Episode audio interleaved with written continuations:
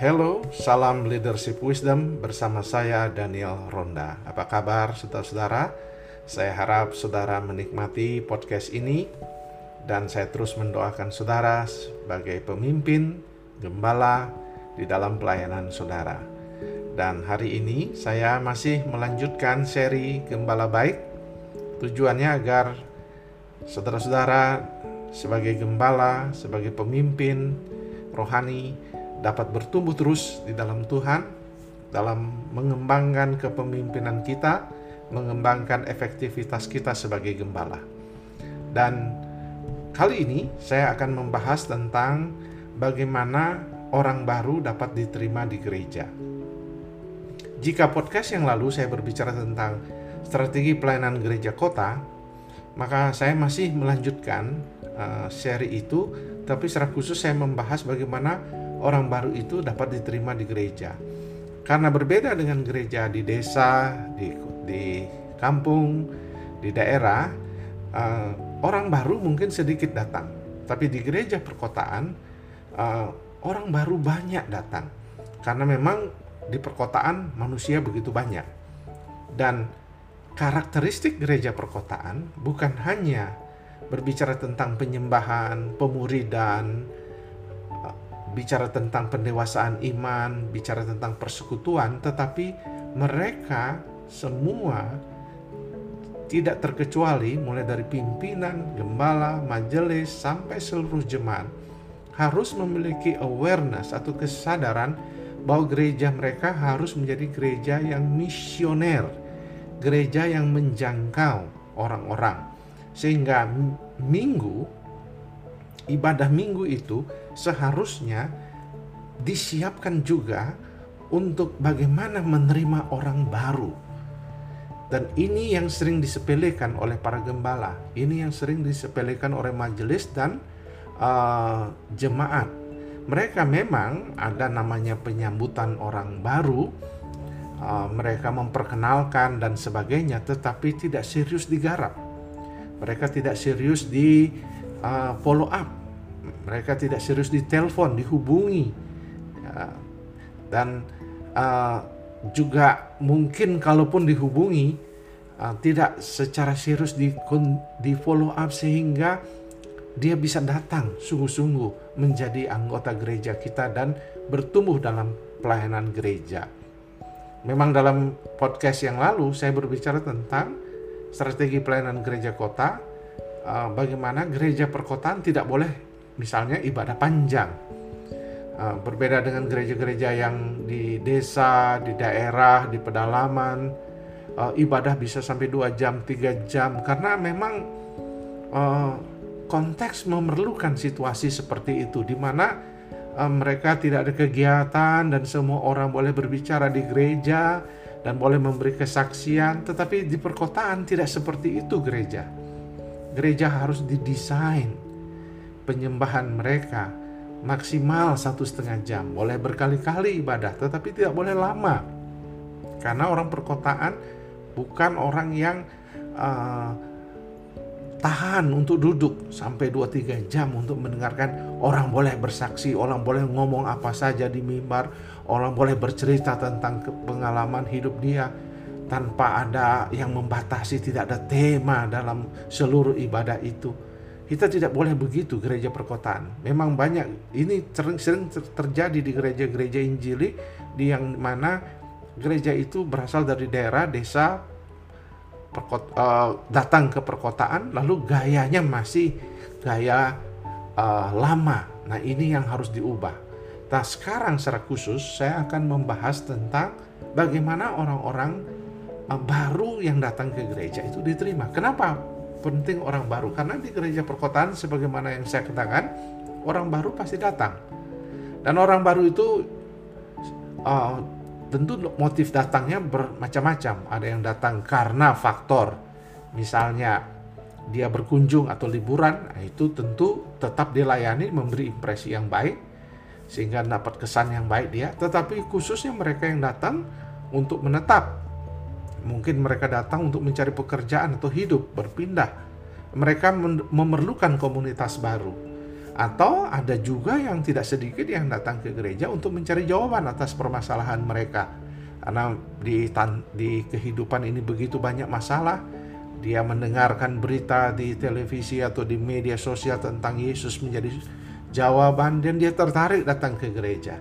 Itu sebabnya dia datang. Jadi banyak motif orang datang ke gereja sebagai newcomers atau orang baru.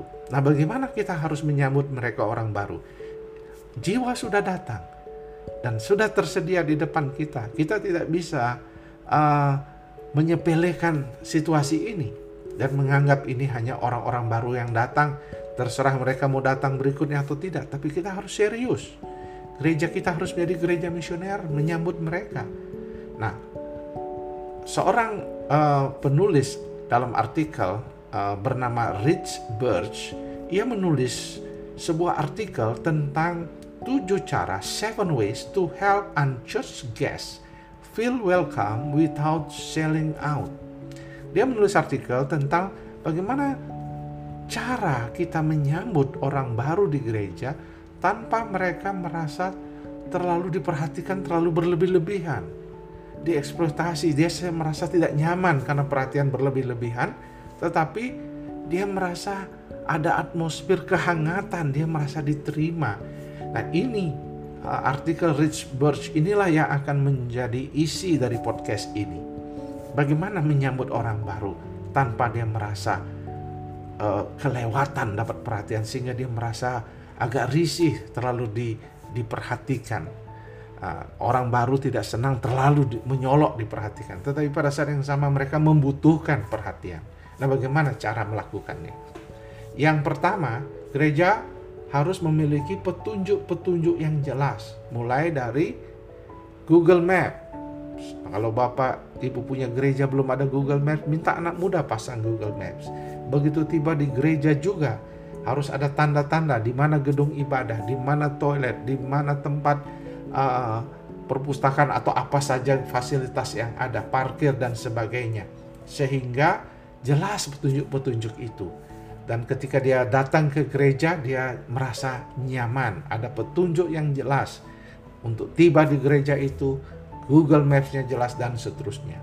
Yang kedua, perkenalkan yang melayani, terutama orang yang naik mimbar perlu memperkenalkan diri secara singkat.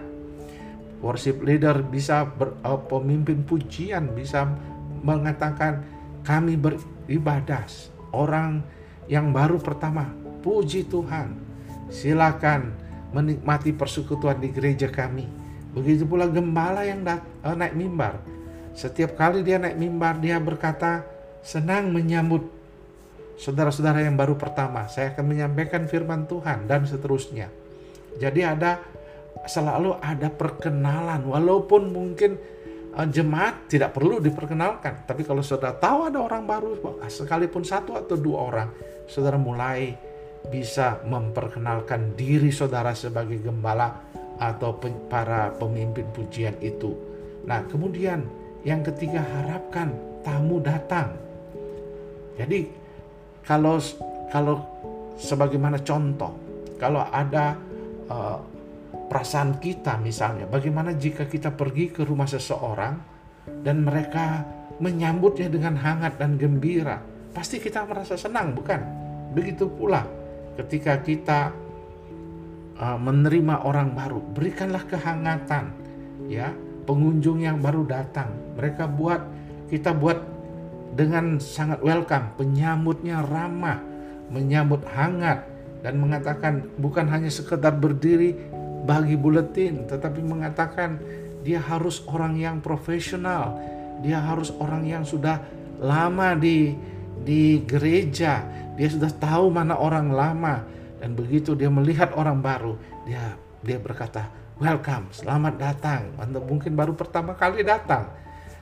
Ayo, kami menyambut Anda dengan penuh kegembiraan. Sambutan hangat penting sekali.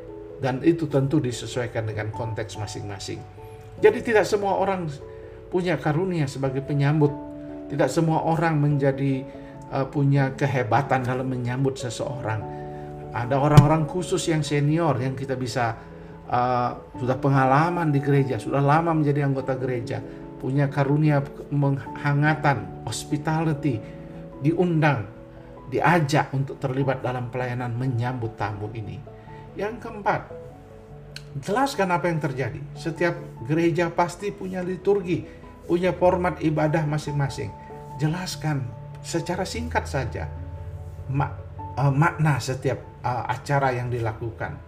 Misalnya tentang perjamuan Tuhan setiap bulan kita adakan tapi jangan panjang dan bertele-tele. Jelaskan secara singkat bahwa perjamuan kudus dilaksanakan setiap bulan sebagai peringatan akan apa. Jadi jangan take for granted. Mari kita mendengarkan firman Tuhan sebagai bagian penting dalam ibadah kita dan seterusnya. Yang kelima, jelaskan Alkitab dalam konteksnya. Orang zaman sekarang sudah banyak yang buta huruf dengan cerita-cerita Alkitab, sehingga perlu penjelasan latar belakang Alkitab sehingga mereka mengerti karena orang baru mungkin dia belum pernah mendengarkan uh, firman Tuhan atau sudah lama tidak ke gereja. Perlu mendapatkan pengertian tentang konteks. Jangan khotbah yang uh, terlalu tinggi. Jangan khotbah yang wah luar biasa memakai bahasa-bahasa yang asli yang rumit dan semuanya. Anda menghargakan firman Tuhan menjelaskan firman Tuhan dengan dalam konteksnya, tetapi sampaikan itu dengan penjelasan yang dapat dipahami oleh orang-orang yang baru datang ke dalam gereja. Yang ke keenam, layanilah anak-anak dengan baik. Ketika dia datang dengan keluarganya, gereja menyambut anak-anak mereka juga. Orang tua sangat senang bila dia masuk ke gereja Lalu ada pelayanan anak yang baik. Pelayanan anak ini sangat penting sekali. Kalau kalau tidak ada pelayanan anak yang baik, orang tua tidak merasa nyaman. Jadi siapkan pelayanan anak yang terbaik. Lalu yang ketujuh, buatlah website, situs, media sosial, Facebook, page, ya, pages di Facebook, sehingga orang-orang dapat mengenal gereja saudara. Jangan sampai orang tidak tahu gereja saudara. Maka setiap gereja kota perlu memiliki uh, media sosial, informasi-informasi tentang ibadah, jadwal kebaktian, nomor yang dapat dihubungi, dan seterusnya.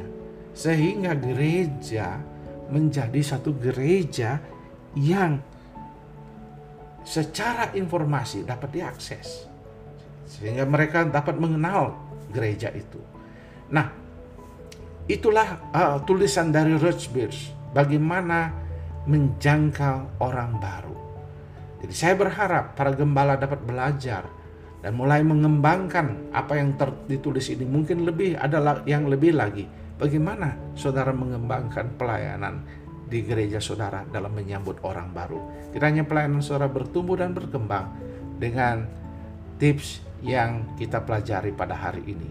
Tuhan memberkati.